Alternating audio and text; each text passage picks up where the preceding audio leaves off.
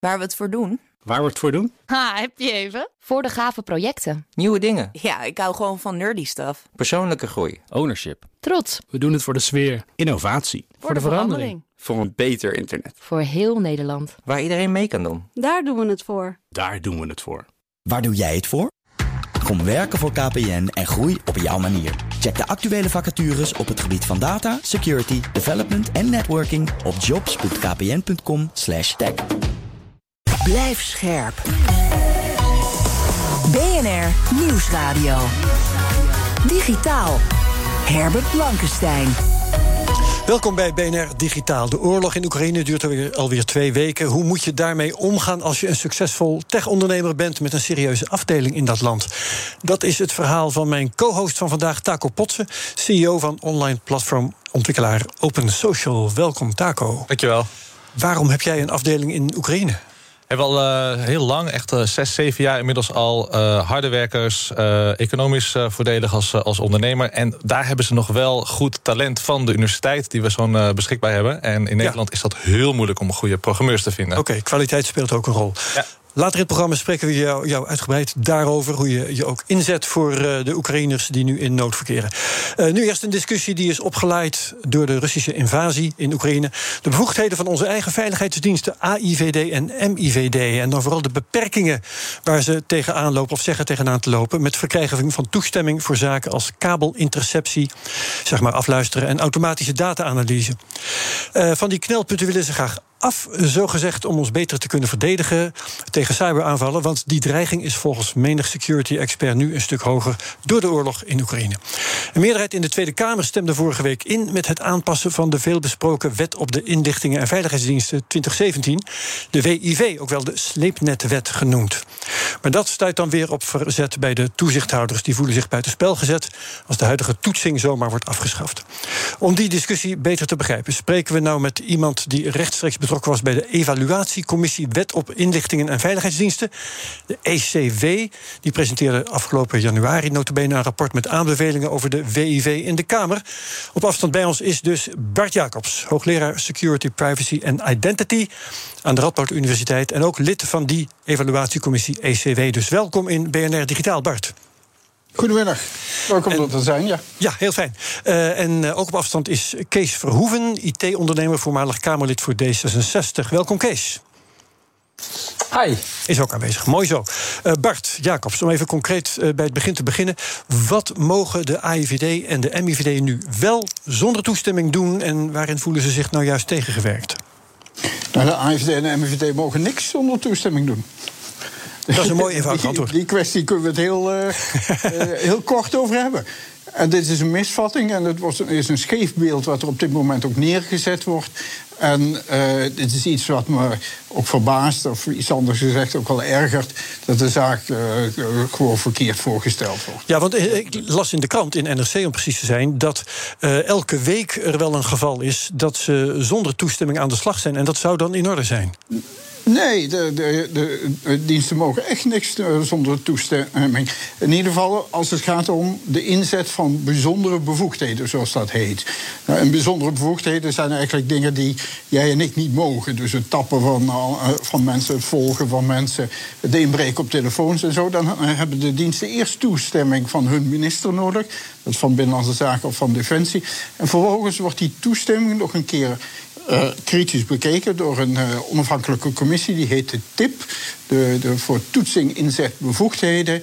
En pas als die commissie akkoord geeft, mogen de diensten aan de slag. En als die commissie nee zegt, dan mogen de diensten die bevoegdheid niet inzetten. Ja, en de inlichtingendiensten voelen zich beperkt. En dat spreken ze nu extra hard uit nu Oekraïne is binnengevallen.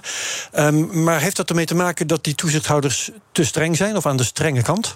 Mag je even corrigeren? De diensten spreken dat niet nu uh, specifiek uit na de inval van de Oekraïne. Deze discussie is in het najaar op gang gekomen. Uh, Oud-minister Henk Kamp heeft op 3 januari een interview in de NRC gegeven. En heeft daarin gezegd dat de inlichtingendiensten op de noodknop hebben gedrukt. Op de noodknop dat ze niet in staat zijn om Nederland adequaat digitaal te beveiligen. Ja, wij dus kunnen ons werk niet goed doen. Voor, ja. Ja, dat is dus voor de Oekraïne. En dat is ook, okay, vind ja, ik, behoorlijk kwalijk. Nee, maar het is goed om dat recht te zetten. Het is behoorlijk kwalijk, want de Volkskrant heeft gesuggereerd... dat de diensten dit nu doen uh, en misbruik maken van de situatie uh, in de Oekraïne. Dit speelt al veel langer. En het was ook de mede de aanleiding dat wij ons rapport geschreven hebben. Oké, okay, dus dus geen sprake van never waste a good crisis in dit geval? Uh, de discussie loopt langer. Ja, de discussie loopt langer. Oké, okay, um, maar goed, uh, zijn de toezicht, toezichthouders nu te streng, ja of nee? Kun je daar um, iets zinnigs over zeggen? De toezichthouders zijn in het oog van de commissie waar ik in gezeten heb, streng op uh, het verkeerde moment. Soms. En dat gaat erom, daarvoor moet ik een klein beetje uitleggen. Uh, toezicht is opgesplitst uh, in Nederland eigenlijk over twee verschillende onafhankelijke instanties. De TIP die ik net genoemd heb ja. en de CTIVD, de Commissie voor Toezicht op de Inlichting en Veiligheidsdiensten. Die CTIVD die controleert tijdens de inzet van bijzondere uh, bevoegdheden en achteraf nog eens een keer. En wat er geconstateerd is door ons als com commissie is dat er van tevoren te veel uh, gevraagd wordt aan, aan die diensten. Dus dat er toezicht beter verschoven kan worden, iets wat verschoven, en met name in het digitale domein, van toezicht vooraf naar toezicht tijdens. Dus wij pleiten op geen enkele manier voor vermindering van toezicht, voor afschaffing van toezicht. Er worden hier echt allemaal onzinbeelden neergezet. En, en uh, kwaadaardige voorstellingen van zaken uh, uh, gemaakt, geproduceerd, ja. Die, die echt nergens op staan. Ja, oké. Okay, um, meer controle tijdens de operaties en minder vooraf. Maar er zijn toch wel uh, momenten dat het duidelijk vooraf een functie heeft. Hè? Want uh, ik, ik, las Absoluut. ook in de krant dat er wel eens op de targetlijst advocaten, journalisten, zelfs een compleet persbureau staan. Dat zijn dingen waarvan je heel makkelijk van tevoren kunt zeggen: doen we niet. Zeker, zeker. En we hebben ook op geen enkele manier gepleit voor afschaffing van het toezicht vooraf. Maar zeker in het digitale domein zijn er sommige dingen die kun je beter tijdens een operatie uh, controleren. Voorbeeld? Als het gaat bijvoorbeeld om hackenoperaties. Hackenoperaties hebben een, een grote mate van onvoorspelbaarheid. Uh, waarbij je niet uh, precies van tevoren kan gaan zeggen wat je tegenkomt. Laat ik misschien even een concreet voorbeeld uh, geven. Van, stel, het is een puur hypothetisch voorbeeld. Stel een jaar geleden of zo zegt de Nederlandse inlichtingendiensten... wij willen de telefooncentrale gaan hacken van het ministerie van Defensie in Moskou. Ja, dan zegt die tip van tevoren van... ja, maar waarom wilt u dat gaan doen en hoe gaat u dat precies doen... En uh, uh, leg eens precies uit wat u daar gaat aantreffen. En welke technieken er zijn en welke risico's ervan zijn. En daarvan zeggen de diensten in de praktijk: kunnen we, kan dat beter globaal getoetst worden? Is het noodzakelijk uh, om dat te doen? Is het, uh, uh, is het proportioneel om dat te doen? Zijn er geen andere middelen om dat te doen? Het is allemaal goed dat daar naar gekeken wordt, maar uiteindelijk, hoe doe je het precies in de uitvoering? Daar uh, moeten de diensten iets meer ruimte hebben om dat effectief te kunnen doen en ook om snel te kunnen handelen. Daar. Ja. Uh, ik wil even gaan luisteren naar Kees Verhoeven. Uh, Kees, de discussie speelt al een hele tijd. deed dat ook al toen jij Kamerlid was. Um, hoe ervaar jij deze discussie op dit moment? Nou, ik maak me wel zorgen over de, de, de ambitie om, om toch uh, de bevoegdheden uh, te gaan verruimen. En uh, ik ben blij met de nuances van, van Bart Jacobs en daar ben ik het ook mee eens. Ehm, de wet is op dit moment in balans en uh, geeft, geeft hele duidelijke voorwaarden uh, en, en, regels en criteria alvorens een, een, een inlichtingendienst een, een grootschalige onderzoeksoperatie mag ja, uitvoeren. Ik val je even in de reden omdat we een bijgeluid horen en dat is misschien omdat er iets tegen jouw microfoon aantikt. Dus kun je die een beetje vrij houden, dan horen we je beter. Ja, de, nee, uiteraard. De, de, de bevoegdheden zijn dus inderdaad heel goed en scherp ingericht. De wet heeft natuurlijk na het referendum een soort gevoel opgewekt bij heel veel mensen. Van nou, dit is een wet die uh, op een slechte manier tot stand gekomen is. Hè. Er was boosheid na dat referendum, er zou niks gedaan zijn. Het tegendeel is waar. Er is een referendum geweest, de bevolking heeft gesproken. De wet is daarna aangescherpt. Er Ja, die TIB, die, die toezichtcommissie, is toen in het leven geroepen, hè, naar aanleiding van het referendum. Nou, die stond, die stond al, in, het, die stond al in, de, in, de, in, de, in de aanvankelijke wetstekst ook. Alleen eh, een aantal voorwaarden zijn gewoon aangescherpt, waardoor de wet uiteindelijk scherper is geworden en, en meer toezicht eh, eh, heeft, heeft meer toezichtskracht heeft, heeft gebracht. En daardoor hebben de diensten het gevoel, en dat hebben ze sindsdien ook steeds gezegd, al drie, vier jaar zeggen ze dat, dus dat is niet iets van de laatste tijd, dat ze te weinig kunnen. Nou, dat is een kwestie van waar, waar, waar je staat. Een vindt dat de diensten alles moeten kunnen zo ongeveer. De ander zegt, ho, ho, denk eens even aan onze privacy. Nou, dus dat is een, een wet in balans, werd dat dan gezegd. Ja, en nu zie je dat minister Kamp, eh, die was een tijdje minister van Defensie nog even in het demissionaire kabinet, die, die heeft er wat over gezegd. Nu is de oorlog in Oekraïne aan de gang. En je ziet nu gewoon dat dat, dat het weer een beetje gaat schuiven. En dat de neiging is om, om de bevoegdheden weer wat te gaan verruimen. Uh, en dat is dus ja, in mijn ogen geen goede ontwikkeling. Omdat je aan de andere kant gewoon ook moet blijven zorgen dat de rechten van mensen om niet gevolgd te worden door de overheid ook belangrijk zijn. Ja, Taco Potsen hier als mijn co-host. Uh, vind jij dat privacy? Die... ja, nou zeker. En, en uh, met enige kennis van de situatie in Oekraïne, heb jij een mening over uh, hoe het toezicht op um, inlichtingendiensten moet verlopen? Nou, je, je wilt natuurlijk voorkomen dat je wordt zoals Rusland, een soort van uh, politiestaat. Uh, en dat je ook de, de, de vrijheden van de burgers niet alleen op dit moment uh, uh, waarborgt, maar ook in de toekomst. We weten niet wie er in Nederland over twintig jaar aan de macht is en wat er dan gebeurt. En, en we weten allemaal dat als je vrijheid opgeeft, uh, um, dat het heel moeilijk is om die dan weer terug te krijgen. Dus wat natuurlijk men in het referendum hebben gezien, is dat mensen zeiden: Nou, ho eens even, dit gaat ons te ver. We hebben daar een heel duidelijke uitspraak over. Ja. Nu zijn we enkele jaren verder en er wordt er toch weer aan gemorreld. En, en is dit dan de nieuwe bestuurscultuur waar we het over hebben, waarin we volgens mij meer naar mensen zouden luisteren en niet minder?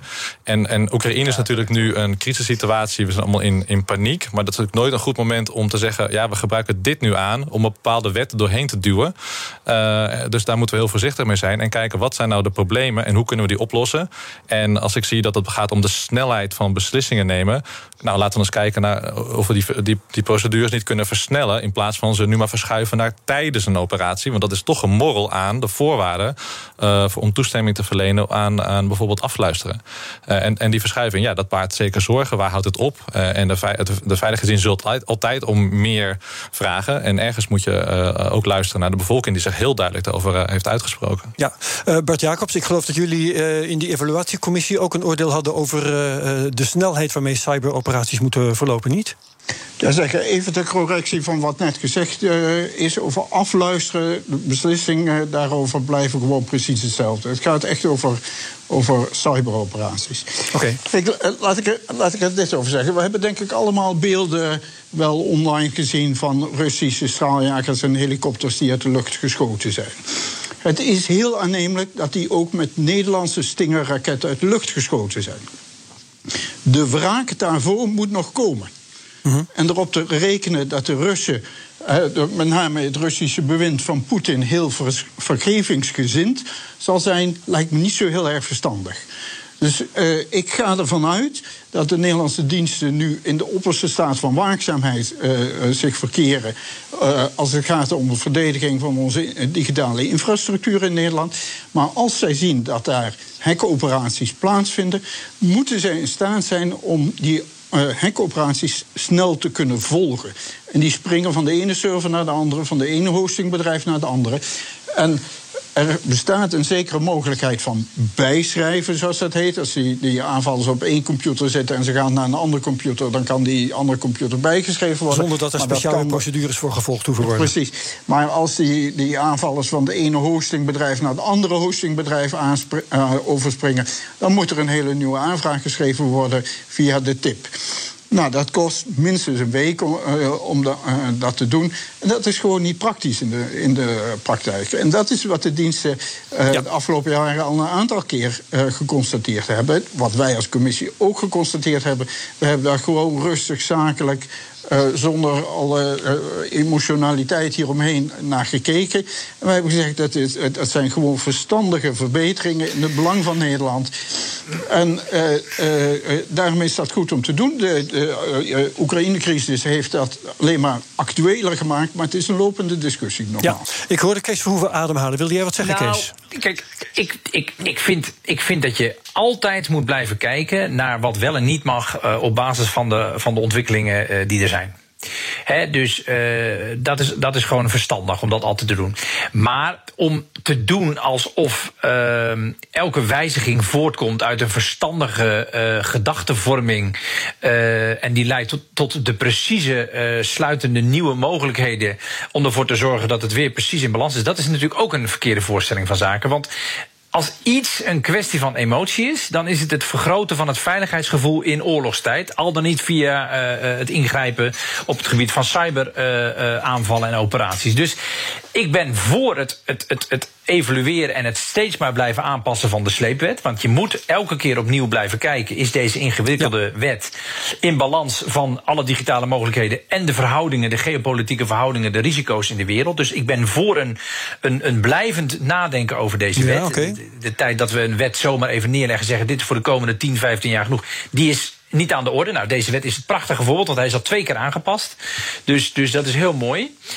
Ik vind dat er daarnaast, ik vind de woorden van, van Bart Jacobs verstandig, maar ik vind dat er daarnaast absoluut sprake is van een Tweede Kamer die niet goed genoeg weet wat er speelt, een sterke veiligheidsemotie heeft, sowieso al, en dus ook nu wel eens te makkelijk toch weer te veel ruimte zou geven voor bevoegdheden en te weinig toezichtskracht. En daar wil ik wel nu even iets over gezegd hebben, want uh, doen alsof het precies in balans komt op basis van één specifiek punt en dat de rest niet, niet aangeraakt wordt, dat is niet de toon die ik van de diensten, van, van, van uh, bepaalde ministers enzovoorts heb gehoord. Dus ik vind dat er toch behoedzaamheid moet zijn in, in het parlement.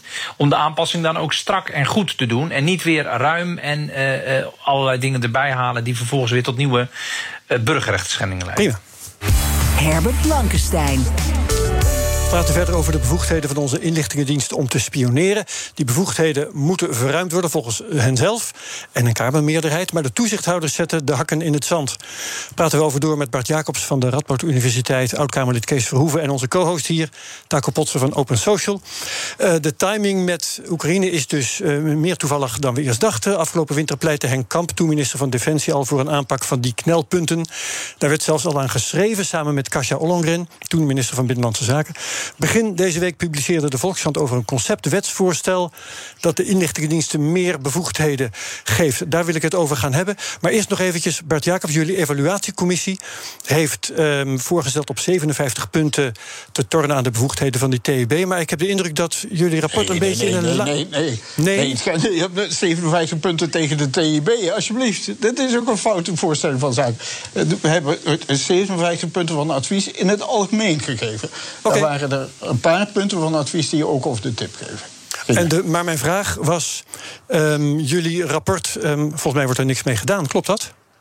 Nou, dat, eh, eh, geloof ik niet. Eh, er wordt gewerkt aan een tijdelijke wet. Dat is wat een tijdelijke aanpassing van de wet. Omdat er dus de, diensten op de noodknop hebben gedrukt met betrekking tot de nationale veiligheid. Dat traject loopt al sinds een najaar. En ik begrijp dat in dat traject. Ik heb het wetsvoorstel niet gezien. Maar ik begrijp dat in, in het traject goed gekeken wordt. Ook naar wat wij gezegd hebben in ons rapport. Oké. Dat hoop ik tenminste. Ik hoop niet dat wij het voor de flauwekul allemaal hebben zitten doen. Nee, dat hoop ik ook voor jullie.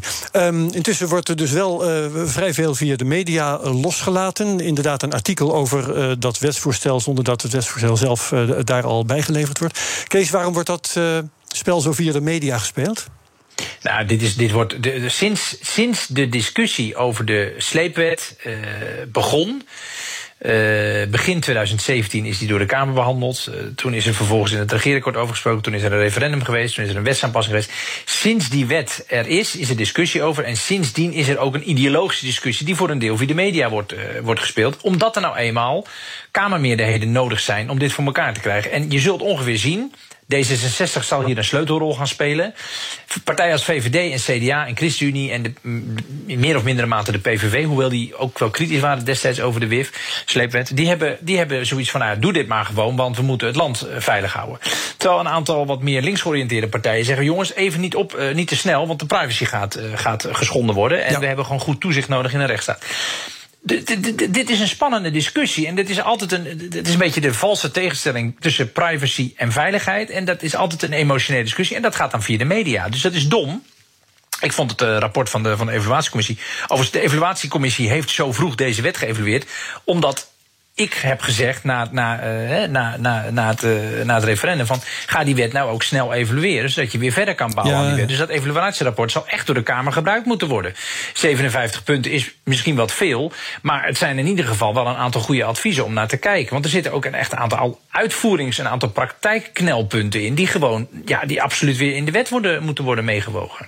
Ja, um, Bart Jacobs, er zijn... Dus laat het nou een rustig besluitvormingsproces worden... en niet ja. die ideologische veiligheid versus uh, privacy-strijd die er altijd is... Die, die het goed doet voor de televisie... maar die uiteindelijk niet leidt tot, tot een, een wet die ook in 2022 in balans is. Inderdaad.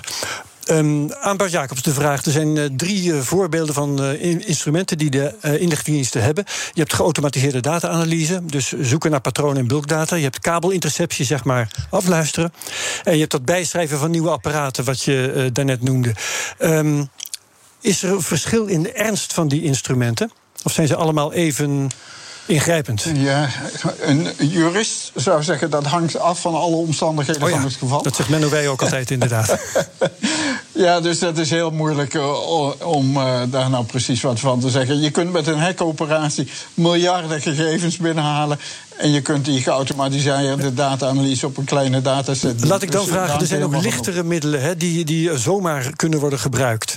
Um... Ja, de, zeker. De diensten kunnen, ja, hebben een soort uh, informantenregeling. Ze kunnen bij aan een medewerker van, van BNR gewoon vragen van vertel eens Mensen volgen. Waarom zijn die middelen niet goed genoeg? Waarom moet er zoveel uit het digitale bereik gehaald worden? Ja, dat is, dat is wel een goed punt om dat even in perspectief te zetten, inderdaad. Maar wel kort graag. Bij, bij ja. De, de, de, bij die inzet moet gekeken worden naar noodzakelijkheid, subsidiariteit en proportionaliteit. Dat zijn ingewikkelde uh, dingen. Ja. In het, en het is goed daarbij verschil te maken tussen binnenland en buitenland. Kijk, de diensten mogen in Nederland niet zomaar het hele internet uh, binnenslepen. Want er zijn andere, lichtere middelen om aan gegevens te uh, komen. Ze kunnen bijvoorbeeld met een wijkagent gaan praten, met een werkgever, met weet ik, ik wat, allerlei uh, gewoon de, dingen die uh, de contacten die er in Nederland zijn. Als die diensten in Rusland informatie op willen halen, kunnen ze niet zomaar naar de Russische politie stappen en zeggen: vertel mij eens iets over die en die persoon of die groeperingen. Ja. Daar, juist in dat soort landen dus, worden digitale middelen ingezet. Dus het is vooral over het buitenland. En het heeft ermee te maken dat de Nederlandse wet geen onderscheid maakt tussen Nederlanders en niet-Nederlanders. Dus als het over burgers gaat, moet je altijd lezen wereldburgers. Terwijl iedereen denkt aan Nederlandse burgers. Ja, ja. oké. Uh, we moeten het helaas, wat de behandeling van dit onderwerp betreft, hierbij laten. Uh, die conceptwet uh, die zal vroeg of laat naar de Kamer gaan. Dan houden we dat in de gaten en gaan we daar zeker op terugkomen. Voor dit moment hartelijk dank. Bart Jacobs, hoogleraar Security, Privacy en Identity aan de Radboud Universiteit. En Kees Verhoeven, IT-ondernemer, voormalig Kamerlid voor D66. Blijf luisteren voor meer BNR Digitaal. Zo direct vertelt Taco Pots over zijn grootschalige ondersteuning van de Oekraïners tijdens de Russische invasie als tech-ondernemer met een afdeling in dat land. En collega Joe van Buurik komt een gloednieuwe game demonstreren die zowel een van de best beoordeelde als ook een van de meest ontoegankelijke aller tijden genoemd mag worden. Tot zo direct. Blijf scherp. BNR Nieuwsradio. Digitaal. Herbert Blankenstein. Welkom terug bij BNR Digitaal. De videogames die de grootste successen boeken, eh, qua verkoopcijfers dan in elk geval, zijn vaak specifiek daarvoor ontworpen. Maar waarom is de nieuwste hitgame, Elden Ring heet die, eigenlijk alleen goed te doorgronden voor de meest geharde doorzetters? Dat hoor en zie je ook straks via de webcam op bnr.nl in BNR Digitaal. Nu eerst verder praten met Taco Potsen, CEO van online platformontwikkelaar Open Social. Vandaag mijn co-host ook hier in BNR Digitaal. Um, Even kort, Open Social, wat doen jullie, wat maken jullie voor product? We maken sociale communities. Denk aan uh, platformen om mensen met elkaar te verbinden, kennis uit te wisselen. Uh, en dat doen we voor organisaties en bedrijven over de hele wereld. Ja, en open betekent gebaseerd op open source ja, precies. software. Precies. Goed, um, jullie hebben een afdeling in Oekraïne. Hoe lang al? Denk al zo'n zes, zeven jaar. Ja, uh, ja uh, elkaar leren kennen op een uh, conferentie. We werken altijd internationaal in de open source community. Dus dan leer je mensen kennen vanuit de hele wereld. Uh, probeer je de barrières die bestaan op de wereld af te breken met elkaar. Dus we werken al heel lang samen. Ik kom daar een paar keer per jaar. Zowel in, in Kiev als in, in Lviv en daartussen. Dus banden zijn heel sterk. Ja, ik wilde ook vragen waar in, in Oekraïne, maar dus die twee plaatsen. Ja. Dat is dus in het noorden en in het westen van Oekraïne. Het, het, midden en het, in het noorden ligt Kiev inderdaad. En dan in het westen gelukkig nog relatief veilig. Relatief veilig relatief goed bereikbaar ook. Hè. Um, goed, hoe ervaar jij de, de gebeurtenissen van de afgelopen twee weken? Ja, ik, uh, geschokt. Net als iedereen denk ik dat dit in Europa in 2022 nog kan gebeuren. Zijn jouw mensen in gevaar? Ja. ja Wat voor gevaar? de eerste collega's zijn inmiddels uh, opgeroepen om uh, uh, in het leger plaats te nemen. nu nog lokaal, maar dat, die kunnen zomaar naar het front worden gestuurd. Zo. Daarnaast gaat het luchtalarm regelmatig af, ook als we met ze praten. kwestie van tijd voordat de eerste ja, raketten inslaan daar. Hoeveel mensen heb je daar? We hebben 15 mensen, plus het management ja, en gezinnen natuurlijk. Ja. Ja, um, en ik hoor al dat je met ze communiceert uh, via de telefoon gewoon? Gaat nog goed, ja. Uh, soms uh, wonderbaarlijk dat in deze tijd je gewoon nog kunt videobellen met elkaar. Ja, we hebben de hele dag door contact met elkaar, ja. Ja, en dat is ook, want je hebt telefoon via gsm en zo... maar je hebt ook via internet. Dus het internet werkt ook gewoon nog daar? Werkt gewoon daar en we hebben ook allerlei fallback scenario's... met, met dieselgeneratoren en satelliet-internet, dat soort dingen. Mocht het straks niet meer kunnen. Dat we in ieder geval kunnen blijven communiceren ja. en zelfs werken met elkaar. En hebben jullie überhaupt een kantoor daar? Of ja. een werken? Ja, of ja, in een kantoor. hebben we een uh, kantoor.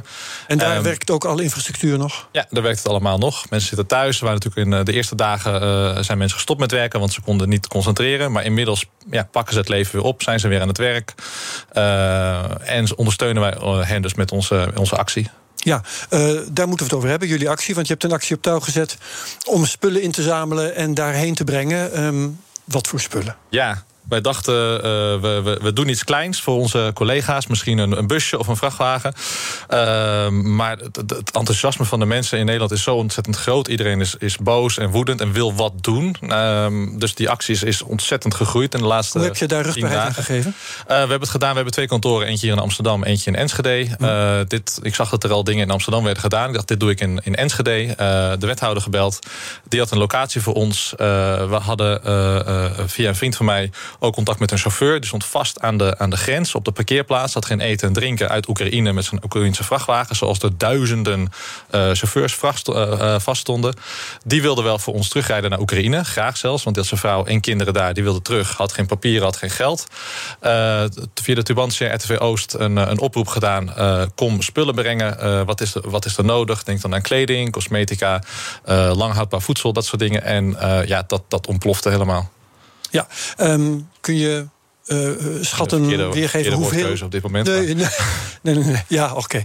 Uh, hoeveel uh, er binnen is gekomen? We hebben vandaag de twaalfde vrachtwagen, 20 tonnen, weggestuurd. Uh, dus, dus, de twaalfde vrachtwagen? Ja, dus zo'n 150.000 uh, kilo aan, aan goederen hebben we inmiddels uh, verstuurd die kant op. en dat gaat inderdaad van kleding tot aan pallets met hand sanitizer, goederen voor het leger, goederen voor de ziekenhuizen. Okay. Vandaag een pallets met pampers die kant op kunnen krijgen. Dus dat gaat wel even verder dan die enkele tientallen mensen van jullie eigen bedrijf. Inmiddels wel, ja. En dat komt ook omdat wij dankzij de Oekraïnse ambassade in Den Haag en onze partners op de grond daar de spullen Dus we hebben, uh, vandaag komt de zevende vrachtwagen het land binnen.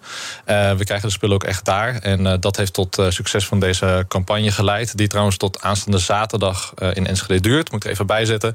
Want de vrijwilligers maken sindsdien dagen van 15 uur per dag. En die moeten daarna even op rust komen. Even voordat we het vergeten straks aan het eind van dit gesprek. Um, hoe kunnen mensen die dit nu horen en die misschien wat willen inleveren... hoe kunnen die uitvinden waar ze dingen kunnen inleveren? Ja, het is dus in Enschede, dus vooral voor mensen in het eh, oosten van het land. Kijk eerst heel goed op onze website, omdat we uh, bijvoorbeeld heel terughoudend zijn op dit moment met kleding. Dat is er op dit moment genoeg. Uh, op op uh, Twente voor Oekraïne.nl staat een lijst die we continu bijhouden. Twente voor Oekraïne.nl. Precies. Okay. Op dit moment hebben we dus geen vraag meer naar kleding, want dat is er, is er op dit moment genoeg.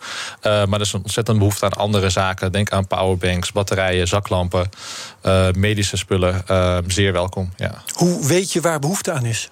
Uh, wij hebben een van mijn uh, collega's, dus een heel team van Open Social, is, uh, is nou, korttijdig ingezet. dat zijn met name ook Oekraïense collega's die hier in, in Nederland wonen. die wilden graag helpen. een van hen heeft familie in Odessa, goed contact daar. En is continu in, in verbinding met het netwerk wat we daar hebben. Om te vragen van wat is er waar nodig? Waar sturen we onze vrachtwagens heen? Um, en dan doen wij ons best om dat uit te krijgen. Ja, het geeft je een merkwaardige positie, stel ik me voor. Want je uh, staat dan opeens aan, aan het hoofd van, ik zou bijna zeggen, een kolonne vrachtwagens. Met spullen die daarvan waarde zijn. Hoe bepaal je wie wat krijgt daar in Oekraïne? Ja, dus we kijken echt met onze partners. Uh, gaat het naar uh, zelfverdediging? Uh, en dan moet je denken aan night vision goggles bijvoorbeeld, die we via via krijgen. Gaat het naar het ziekenhuizen? Dus we hebben gelukkig een lading in Kiev weten te krijgen. En die heeft de drie grootste ziekenhuizen daar bevoorraad. En een deel gaat naar Lviv, waar de tienduizenden, honderdduizenden vluchtelingen aankomen. die geen slaapzakken hebben. Ehm, ja, het is verschrikkelijk. Ja, eh, maar er, er, zijn dus gewoon mensen daar um, waar jullie mee in contact staan, die ja. bepalen waar wat nodig is en weten wat er aankomt en dat een beetje kunnen managen. Ja, we werken met een uh, netwerk van uh, Sergej Peretula, als ik het goed zeg. Die zijn al sinds 2014 actief om te zorgen dat de juiste middelen bij de juiste mensen terechtkomen voor zelfverdediging en, ja. humanitaire goederen. En gaat dat transport goed? Kun je in Oekraïne ook makkelijk van A naar B, bijvoorbeeld? Ja, we, ja tot nu toe gaat het, gaat het relatief goed. Dat komt en omdat we hulp krijgen van de, Nederland, van de Oekraïnse ambassade in Nederland. En we hebben een uh, advocatenkantoor wat ons helpt de spullen uh, daar te krijgen. Gisteren werd helaas een van onze chauffeurs uh, gearresteerd door de politie. nadat hij het land al binnen was. Want je moet voorstellen, er zijn overal checkpoints en mensen zijn heel nerveus. Ja. Uh, dat hebben we gelukkig hebben we hem vrij kunnen krijgen. En daarna heeft de politie ook aangegeven aan ons in Oekraïne. welke dingen hebben zij precies nodig qua papierwerk. om de chauffeurs weer door te kunnen laten gaan. Dus we passen ook continu de, de papieren aan voor ze. Ja, um, dan over jullie bedrijf. Um, functioneert je bedrijf nog? Ja, dus uh, vorige week uh, we hebben wel even uh, op onze website moeten zetten. excuses dat dingen wat langer blijven liggen. Want we zijn even druk ja. met de ja, grootste vluchtelingenstroom en, en, militaire operatie na de Tweede Wereldoorlog in Europa. Dus ook niet zo heel gek. Ehm, sommige van mijn medewerkers blijven fulltime op dit project werken. Met name de Oekraïnse mensen die anders toch heel veel moeite hebben om, om zich te concentreren. En nu het gevoel hebben dat ze echt wat kunnen, kunnen doen. Um, en voor de rest hebben we gezegd, we doen dit tot aanstaande zaterdag uh, in te leveren. En daarna gaan we uh, drie dagen per week gaan we open. En dat is niet alleen Open Social. We hebben inmiddels meer dan 250 vrijwilligers die zich hebben aangemeld. Uh, ja, als ze luisteren, mijn dank ook voor alle ondersteuning. zowel van de vrijwilligers als de hele oostelijke regio van Nederland. Twente, Overijssel heeft zichzelf ja, echt op de kaart gezet weer ja. door het naberschap maar um, ik, ik, ik eh, snap aan de ene kant dat je zegt... Uh, dan en dan moet het maar eens afgelopen zijn... maar uh, je zou net zo goed ook door kunnen gaan met zo'n actie. Um, ja, uh, gisteravond om 1 uur uh, uh, s'nachts heb ik nog met mijn team gezeten. wij maken nu dagen van 15 uur, van s ochtends vroeg tot s avonds laat. en en er komen steeds meer spullen. Dus mensen weten ons te vinden. we weten, ze weten dat het land in krijgen. Het is heel moeilijk. Maar ik moet ook denken om de, om de gezondheid van de mensen hier. die hebben het al emotioneel heel zwaar. Ook onze vrijwilligers. Die komen vaak uit Oekraïne of Rusland. dus ik heb ook voor een verantwoordelijkheid voor hun gezondheid en hun, hun ja, welzijn. Dus vandaar dat ik deze moeilijke beslissingen toch moest nemen. Ja. We stoppen niet. We nemen een paar dagen pauze. En daarna gaan we gewoon drie dagen in de week open en verder met deze. Ja, ja, maar met een iets lager profiel misschien. Dat je wat minder aan publiciteit doet, maar het gewoon laat doorlopen. Ja, misschien dat ik dan niet nu op BNR moet komen. Okay. ja. Nou, ik hoop dat het allemaal uh, te managen ja, blijft. En, um, we accepteren trouwens ook financiële donaties. Uh, waar, waar, we medicijnen. Uh, ja, kan ook weer voor op uh, twentevooroekraïne.nl. we kopen daar dingen in, zoals medicatie. Ehm, die moeilijk voor normale mensen te verkrijgen zijn. Via onze partners kunnen we dat inkopen. En ook daadwerkelijk zorgen dat het daar komt. elke euro wordt goed besteed. Oké, okay, blijf erbij. We gaan lekker verder met BNR Digitaal. Digitaal. Alle ernst Na alle ernst, uh, mede ingegeven door die Russische invasie in Oekraïne, komen we ook even toe aan iets luchtigers. Um, nou ja, uh, we gaan even kijken of de videogame waar we nu uh, ons in gaan verdiepen, of die eigenlijk wel echt voor ontspanning zorgen in. Laat mij maar even. En wie we maar even gaan laten, dat is Jo van Buurik, redacteur van BNR Digitaal, maar zeker ook game-expert. Dank je, hebt hier een, ja, een PlayStation 5 aangesloten. Zeker. En wie de moeite neemt om te, in te schakelen via de webcam op bnr.nl, die kan dat allemaal ook zien. Achter ja. mij is een scherm waar al een prachtig fantasy-tafereel zich ontvouwt. Wat ga Goed. je doen? Nou, dit is Elden Ring. En Elden Ring is een actiegame, een beetje fantasy in de stijl van The Lord of the Rings. Uh, maar dan eigenlijk nog duisterder, moet ik zeggen. En, uh, nou, een heel schemerig beeld, een kasteel. Zo een heel zien. schemerig beeld, inderdaad, in een kasteel. En nou, dan wil ik heel graag even naar boven toe. Om Fakkels aan de wanden. Ja, uh, om te laten zien wat er allemaal mogelijk is. Maar het is uh, ook een heel erg moeilijke game, moet ik zeggen. Uh, het, je moet het echt leren begrijpen. En het spel legt ook helemaal niks uit. Het is gewoon, ja... ik zoek het wat is er moeilijk aan? Nou ja, ja... Het, je weet niet eens wat de bedoeling is, begrijp ik het nee, goed? dit is oprecht. Oh. Ik, ga, ik ga het nog een keer laten zien. Want nou, ik heb hier dus ook een menu, weet je wel. Allemaal nou, keuzemogelijkheden. Nou, dat is op zich niet zo heel vreemd. Ik ga heel even terug naar het hoofdmenu om wat te demonstreren daarbij ook. Hoofdpersoon is een ridderachtig figuur klopt, in nou, een mantel, helm op. Klopt, kun je allemaal zelf maken. Is hartstikke leuk. Okay. Hier bij het titelscherm Elden Ring. Um, en het is. Uh, iets waar de internationale game community jaren naar heeft uitgekeken. Het is nu net uitgebracht. Uh, het, het, we noemen het genre, zal ik maar zeggen, Soulsborne. Dat is een samentrekking van meerdere eerdere games van deze studio, From Software uit Japan. Um, en het is juist die, ja, bijna SNM-achtige moeilijkheidsgraad. Ik gebruik even een vies woord, zou ik maar zeggen. die ervoor zorgt dat mensen het zo mooi vinden. Um, Kwel u zelf.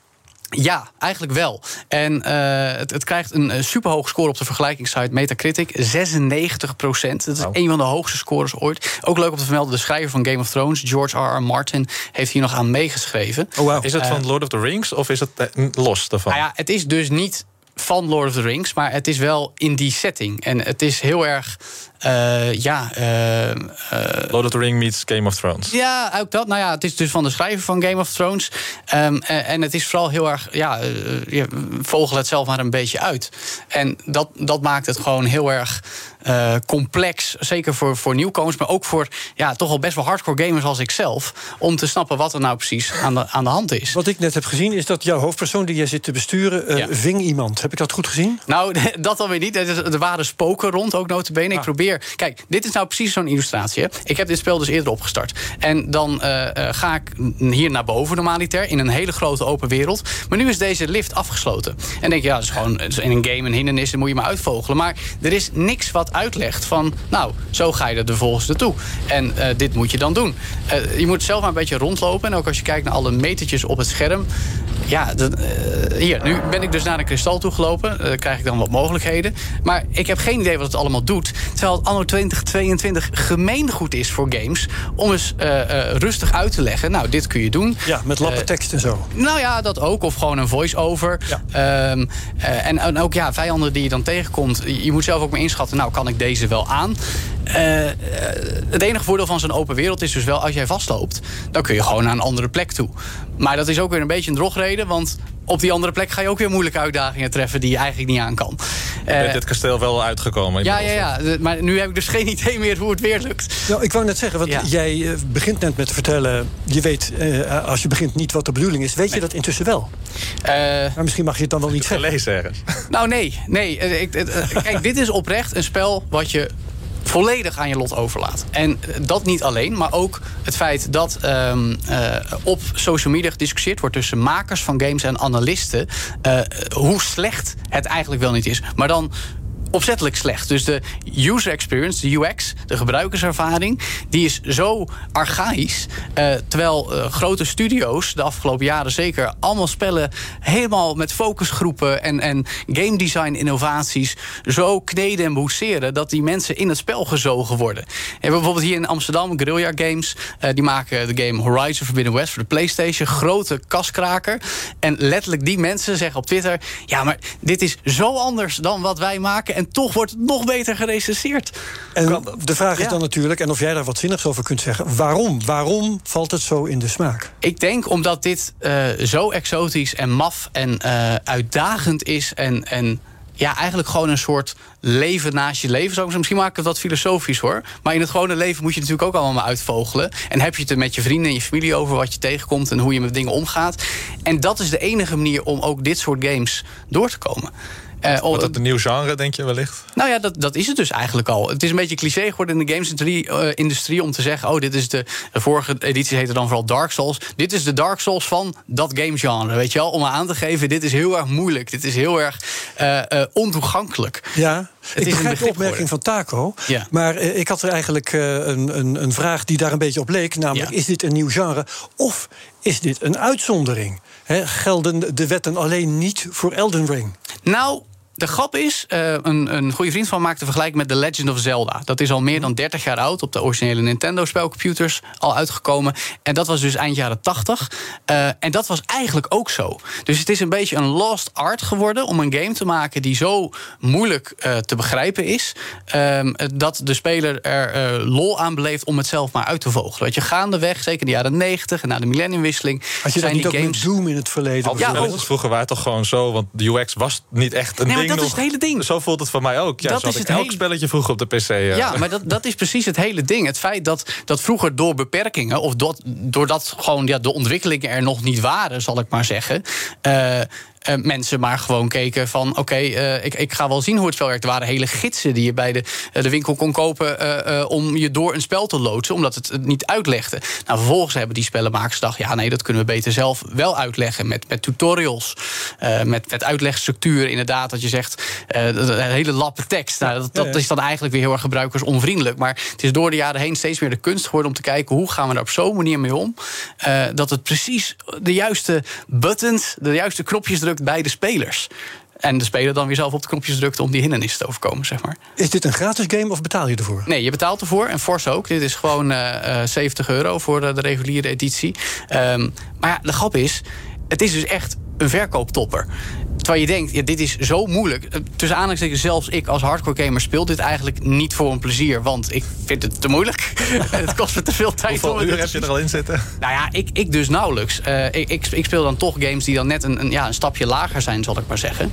Ehm, maar tegelijkertijd, eh, binnen twee weken al 10 miljoen exemplaren verkocht volgens schattingen op de PC. Maar wacht even, wacht even. Binnen twee weken, hè? Ja. Dus het is twee weken uit. het is twee weken uit. Ruwweg. is er dan, kan er dan überhaupt iemand zijn die hier al handig in geworden eh, is en, en ook echt binnen Ja, ja, de game... Ja, nee, de game is een succes, maar heeft ook iemand game, succes gehad in de game? Ja, dat sowieso. Want de- de- gewoon hoe dit genre eigen gemaakt is door gevorderde spelers, dat is echt ongelooflijk. Die gebruiken, die dagen zichzelf dan nog uit door weer met beperkingen te spelen, door geen betere voorwerpen te verzamelen. Nee, oké, want ik, ik ging meteen denken, misschien eh, eh, gaan straks al die mensen die het gekocht hebben... het bij het uh, grof vuil mieteren. Nee, omdat- nee, nee. nee, dat nee, gaat niet niet. Nee, nee, dit is echt iets wat, wat mensen echt tot in nou ja, jaren blijven spelen. En, en, en de allergrootste freaks die zitten nu waarschijnlijk al bij het einde.